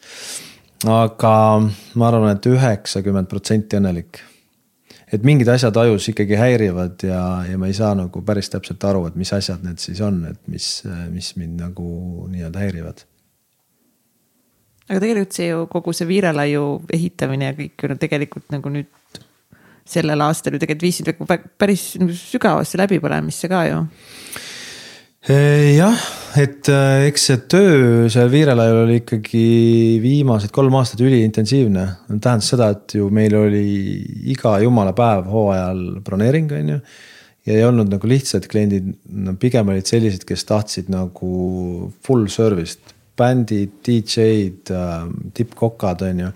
ja kui sa iga päev pead nagu seda asja organiseerima, siis äh, siis see läkski nagu kuidagi nii, et lõpuks väsisid täiega ära, on ju, et noh, eks seal põhjus oli ka natuke võib-olla alkoholis sest et äh, sa tundsid suvel, et sa oled nagu väsinud, on ju, siis, siis oli nii hea võtta mingi rumm-koola või vana Tallinn kohviga, on ju, mis siis nagu boost'is üles, on ju. Aga pärast hakkasid vaatama, et unetunde tuli, ma ei tea, nagu ööpäevas mingisugune kolm kuni kuus, on ju ja niimoodi iga päev on ju, et siis, siis see läbipõlemine oligi nagu suht lihtne tulema, on ju, et siis ma nagu crash isin ikka täiega ära, noh. sihuke tunne, et pane pael kaela, et nii halb oli olla. kuidas see nagu täpsemalt välja nägi, laienda seda mõtet või seda tunnet, et kui, kui see crash tuli, mis siis tundsid, kuidas see välja nägi, mida see tähendab, et pael kaela? No see tunne oli selline, et, et kui muidu kogu aeg nagu nii-öelda aju töötas ja oli motivatsioon teha nagu asju, on ju, siis, siis kadus nagu huvi teha ära, on ju, ja ei olnudki suuteline, sa oled nagu füüsiliselt nõrk, on ju, vaimselt nõrk, on ju, siis sa lihtsalt, mäletan, istusin seal Virelaiul ja lihtsalt kassisin sajaga, mõtlesin, et nagu, mis mul nüüd viga on, et miks mul nagu mitte midagi ei toimi, on ju ja, ja siis jah, nagu lõi nagu aju nii sassi, et äh, lihtsalt põhimõtteliselt olid pikali maas ja, ja mõtlesid, et mis, mis nüüd edasi saab, nii halb oli olla. ja need sünged mõtted pael kaela, kui nagu reaalne oli see mõte või kas see oli see, mida sa praegu ütlesid niimoodi nagu kuidagi hoogasin või sa tõesti tundsid, et sa ei taha elada enam? no ma ikka selles mõttes konkreetselt tundsin jah, et mul on nagu kõik, et äh, mingisugune eesmärk on kadunud, motivatsioon on kadunud, et äh, üldse nagu eluisu kadunud on ju, mitte midagi teha ei taha, et, äh, et kõik, kõik, kogu maailm tundus nii mustades värvides, kui üldse olla saab, on ju, et. et mõtled, et noh, sõpru pole, on ju, naisega tülis, on ju, umbes lapsi ei oska kasvatada, ühesõnaga said nii negatiivselt mõelda, on ju. Aga need olid kõik nagu mõtted enda peas on ju, et tegelikult need asjad ei olnud üldse nii hullud, aga lihtsalt nagu kõik läks nii süngeks, et, äh, et raske oli olla jah kuidas sa sellest äh, välja tulid või mis sind sel hetkel siis aitas, mis siis, kuidas sa mm. töötasid sellega?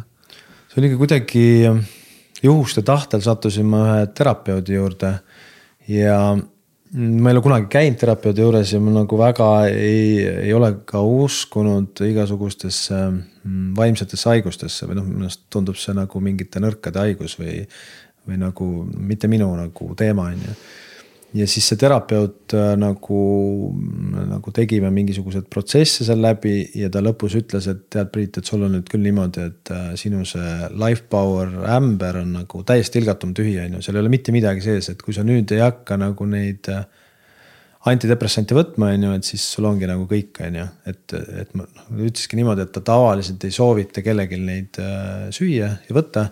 aga et sul nagu on vaja seda teha, on ju ja, ja siis ma käisingi jah psühhiaatri juures, ta kirjutas mulle tabletid välja ja.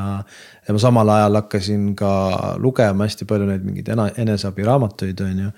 ma hakkasin äh, käima mingitel koolitustel äh,, kuidagi nagu tegelema sellega nagu full on, et äh, lihtsalt, et saaks enda olemise paremaks kui kiiresti aega või kaua aega läks, et see nagu hakkaks toimima või kas sa tundsid kohe mingeid muudatusi või kuidas see protsess sealt nagu välja, väljatulemise protsess käis? no see oligi huvitav, et, äh, et kui mul need tabletid välja kirjutati, see, ma mäletan, see psühhiaater oli nagu mingisugune mm,. ma arvan, et nägi välja nagu kahekümne viie aastane kutt, on ju. Nimi oli doktor Kangro, ma ikka ootasin sellist nagu suurt tugevat meest, on ju, kes siis ütleb, et näed, mis sul viga on, on ju, ja vastu sain nagu blondi peaga blondeeritud sellise Justin Bieberi, on ju. siis nagu mõtlesin, mida ta teab, on ju. aga ta kirjutas välja mulle mingisugused uued tabletid, on ju, mida peab ainult kolmkümmend päeva võtma ja, ja sisuliselt oli niimoodi, et kui ma võtsin selle esimese tableti sisse, on ju, siis ma tundsin, et tead, mul nagu kõik power tagasi, et. Et teeks nagu kõik maailma asjad ära, sihuke tunne nagu ma ei tea, kümme Red Bulli oli sees nagu. ja, ja tänu sellele boost'ile nagu siis ma hakkasingi hästi palju nagu lugema ja nii-öelda tegelema iseendaga nagu, et võtsin nagu eesmärgiks, et ma proovin nagu kõikvõimalikud asjad ära, et mis võiksid nagu aidata, ma ei tea, a la mingi kongi meditatsioonidel või, või noh, mis iganes retriitidel ma käisin siis, et ja sain suhteliselt kiiresti ennast uuesti ülesse. et selles mõttes huvitav. Mis, mis sul on olnud, mis sa said siis mingid suurimad taipamised enda kohta, elu kohta mm.? no eks see nii-öelda see põhiteema ikkagi on see, et kõik probleemid hakkavad lapsepõlvest on ju, et mingid nagu nad siin räägivad, kõik need allasurutud tunded ja isata elamine ja mm. Ja, ja kõik need traumad, mis sa siis lapsepõlves oled saanud, et kõik need nagu mõjutavad praegu ka on ju, et ehk siis noh, ilmselt nad olid terve elu mõjutanud, aga nüüd, kui said sellisesse nõrka seisu on ju, siis need lõid lihtsalt välja pauguga nagu. et, et see on see taipamine jah et nüüd sa olid ikkagist nagu nõus vaatama, et kui sa enne olid pigem nagu jah, mingid vaimsed teemad, mingid traumad, mingi tegelege need, kes teiega tegelete, nüüd sa hakkasid võtma, et, et siin on jumet nendel asjadel. Ja, ei muidugi ju muidu oled sihuke strong man ja vaatad, et mis need uhuu tegelased üldse teavad, on ju. siis äh, koged need asjad läbi, on ju, siis saad aru, et, et kust need probleemid pihta hakkavad. et selles mõttes hea, hea taipamine. on see sulle aidanud siis paremini ennast nagu ongi nagu mõista, miks sa mingeid otsuseid oled vastu võtnud, miks sa kuidagi mingit moodi oled käitunud äh,? jah, kindlasti, et äh, mis ma siis sealt taipanud olen, on, on põhimõtteliselt see, et äh, isata elamine või, või see tunnustuse mittesaamine ongi nüüd see, et miks ma neid asju teen, on ju, ehk siis nagu tegelikult ju raha siis võrdub tunnustus, on ju, ja ja ka, et see, kuidas ma nagu suhtlen või käitun ja ootan nagu teistelt inimestelt mingit tunnustust, et see nagu on tegelikult kõik sealt lapsepõlvest pärit, on ju, et. et ma ei pea nagu tegelikult nagu nii palju seda raha kokku kraapima, on ju, et see ei anna nagu mitte midagi muud kui ainult seda tunnustust, et kui sa selle suudad nagu ära nagu kustutada ajust, et siis äh, nagu läheb paremaks kas sa nüüd, aga kas iseennast oskad tunnustada, et sa väga palju oled otsinud seda välist tunnustust väljaspoolt, eks ole, sest sa oled millestki puudust tundnud. kas sa oled suutnud enda seest selle leida, et iseennast tunnustada, et iseennast armastada mm,? ega ma ei olegi lõpuni nagu jõudnud oma nende protsessidega, et nagu ma ütlesin ka et, et üheksakümne protsendi peal umbes, et, et ma, ma nagu ühtepidi tean, mis probleemid on, kuidas ma peaksin neid lahendama aga teistpidi suudab aju ikka mingisuguse vimka keerata või üle protsessida need asjad, on ju, et.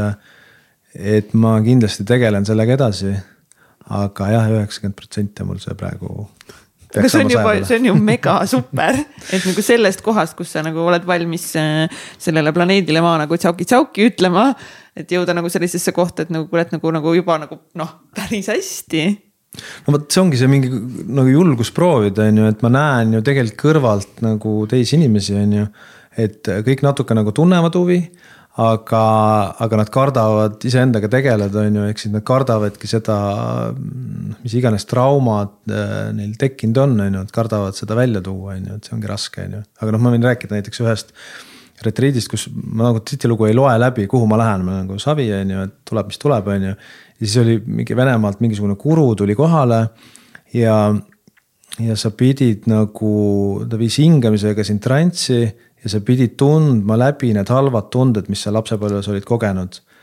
ja see oli nagu nii deep, et, äh, et noh, ma ei tea, mul näiteks äh, tuli selline nägemus, et, et see kasuisa üritas mind ära tappa või ära kägistada, on ju ja selle, selle kogu selle asja point siis oli see, et, et kui sa tunned need nagu halvad tunded või need traumad läbi nii-öelda kehaliselt, siis need kaovad ära, nagu nad hakkavad nagu lahustuma, on ju. noh, nagu öeldakse, et abielus vaata, et mees ja naine võiks omavahel rääkida, on ju, siis mured nagu lahustuvad, on ju.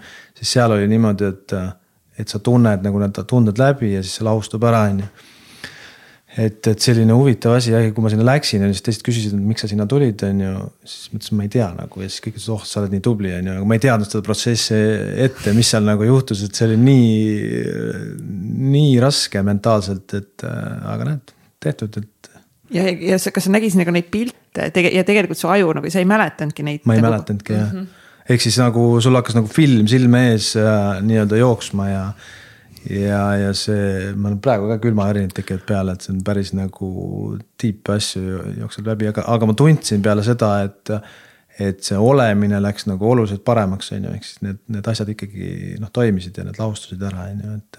et ma kindlasti tahan nagu nende asjadega edasi tegeleda, et vaadata, kas saab saja protsendi peale eks see on nagu vast on sihuke teekond ka on ju, et nagu see noh, oled siin nagu. jah, natuke sihuke põnev teekond, et mm. -hmm sedasama äh, praktikat, harjutust teeksid uuesti või? ja ma tegelikult äh, peaks homme minema sinna, aga kuna me avasime Viirelaiu saatkonna, siis ma pean nüüd lükkama selle kevadesse, et siis ma lähen kevadel.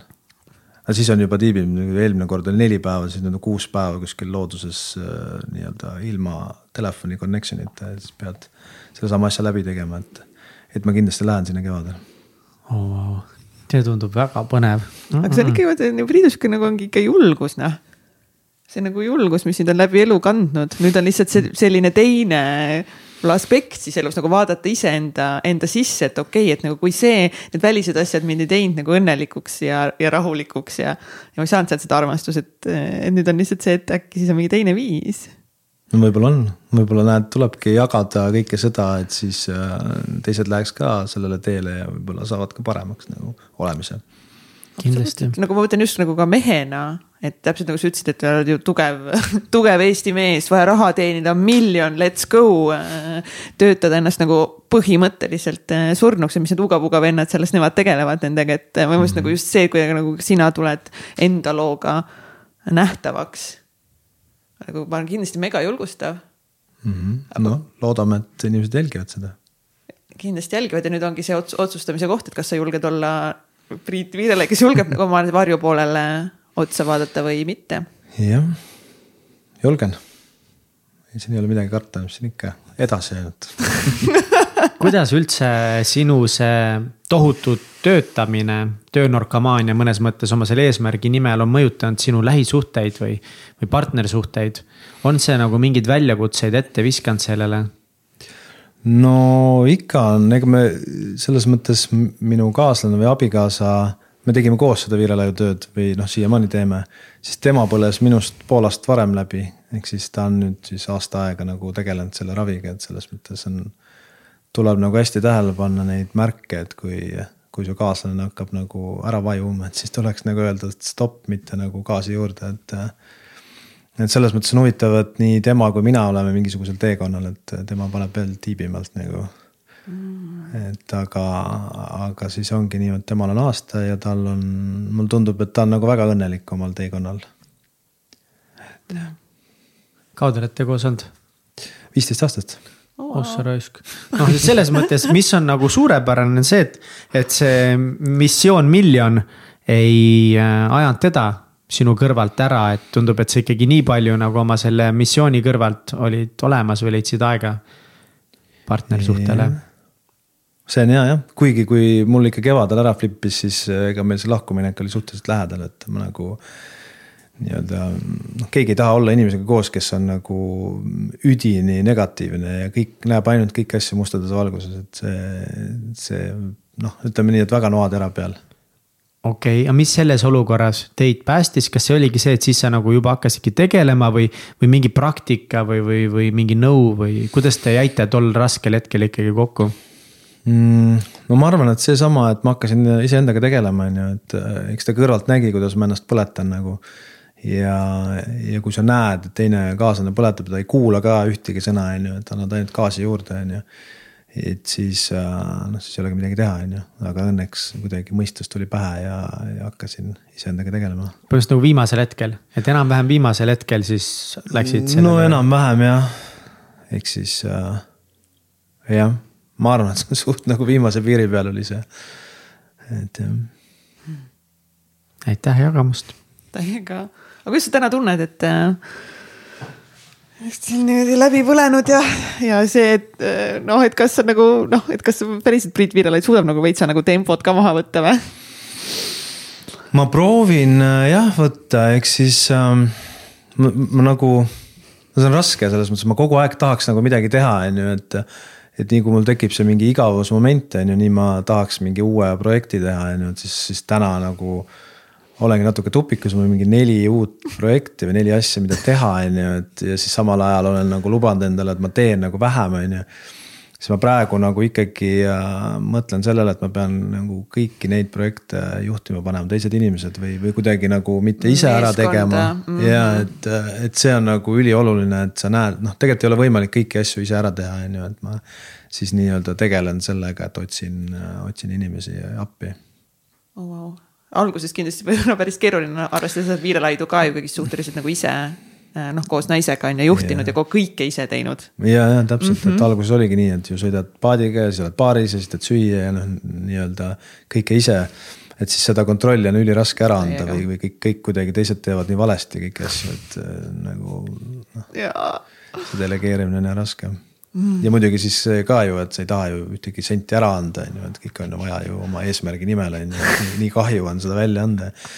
et sellest tuleb nagu lahti saada, et et nii-öelda öelda. on sul selles osas mingeid mentoreid või häid nõustajaid, inimesi, kellega nagu põrgatada, et kes nagu saavad sulle kogu aeg nagu sisendada seda, et miks see ikkagi on oluline usaldada inimesi, anda nendele iseseisvust, anda seda raha veidi käest ära, sest siis tuleb rohkem tagasi nojah, mul, mul on tegelikult läbi selle Viirele ju tekkinud nii palju uusi sõpru ja, ja selliseid mentoreid ja kes nagu on edukad ja kes siis nagu kordavad sedasama asja, siis mul on üks sõber ka, kes nagu kogu aeg nagu taob nagu rauda, et anna ära, delegeeri, on ju, ja, ja tal, ta ütleb jah, et tema näiteks töötab kaks tundi päevas ainult.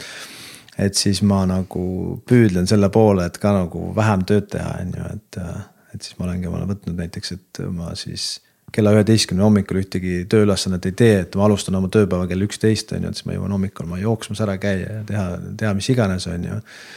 et sihukese nagu, muidu oli nii raske, on ju, tahad jooksma minna, siis mõtled, aa, mul on see meil vastamata, see tegemata, see tegemata ja siis sa ei lähegi, on ju, siis istudki hommikul, ma ei tea, kaheksast kuni öösel üheni arvutis on ju, teed asju, on ju, et nii, nii ei saa nagu mm,.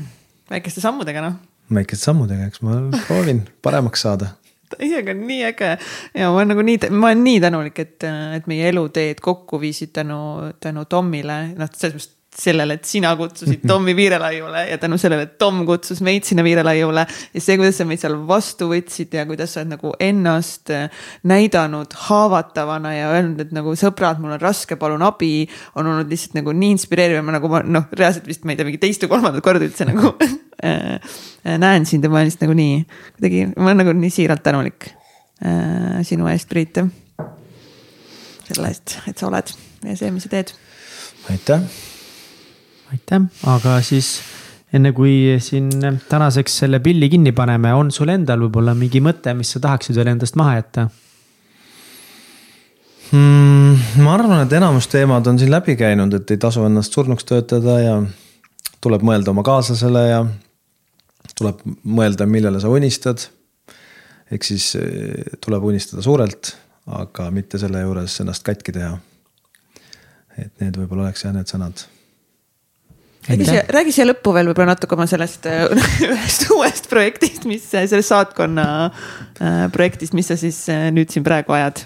oh, see tuli ka nii, et äh, mõtlesime, et tõmbame hooajale kriipsu peale Viirelaiul. Ja siis äh, ja siis üks päev mõtlesin, et jube, mis siis talvel nagu teha ei no muidugi, mitte puhata on ju. ei, mitte puhata ja, ja see päev oli ka selline, kus oli nagu full power sees ja, ja kuidagi üks asi viis teiseni ja siis mõtlesin, et meil on hästi hea kokk on ju, kes aitas meil terve suve nagu äh, nii-öelda teha nii, et me ei peaks olema Viirelaiul. ja, ja siis ma ei tahtnud seda kokka nagu ka ära lasta, et ta järgmine aasta ka tuleks meile tööle ja siis mõtlesin teistpidi jälle, et jube tore oleks, kui meil oleks mingi projekt nagu, mis siis, äh, kus toimuks nagu kogu aeg mingid üritused on ju, toimuks mingi turunduslik flow on ju. ja siis nüüd Koplis avamegi Viirelaiu saatkonna, kus me hakkame siis tegema erinevaid üritusi, õhtusööke, pidusid äh,. seminare, no mida iganes, et, äh, et vaatame, kuidas läheb sellega nimi on hea. Kiidan selle valiku jah, ma loodan, et äh, nii-öelda toimib, et inimesed tulevad selle Viirelaju saatkonda siis. ma usun, et täiega tulevad loodan jah.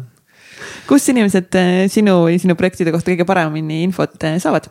No nagu algusest saadik äh, on see sotsiaalmeedia, mis on nagu toiminud, et äh, sinna ma siis postitan ja teen event'e ja mm, igatpidi proovin nagu reklaamida ennast, et äh, raske on, igasugused huvitavad algoritmid üritavad takistada seda, aga, aga siiamaani tundub, et toimib ja, ja üritused on välja müüdud. Siis toimub kindlasti, kui üritused on välja müüdud. Priit, nagu sa ennem, ennem mainisid ka, et, et raamatud on siin viimasel ajal päris olnud nagu heaks sõbraks sulle, siis äh, omalt poolt saad valida siit endale nüüd äh, siis äh, ühe raamatu Million Mindset'i poolt, et mis sind kõnetab ja saate selle endaga koju kaasa võtta. esimene valik on sul siin hetkede jõud, hetkede jõud, miks mõnel kogemusel on ebatavaliselt suur mõju.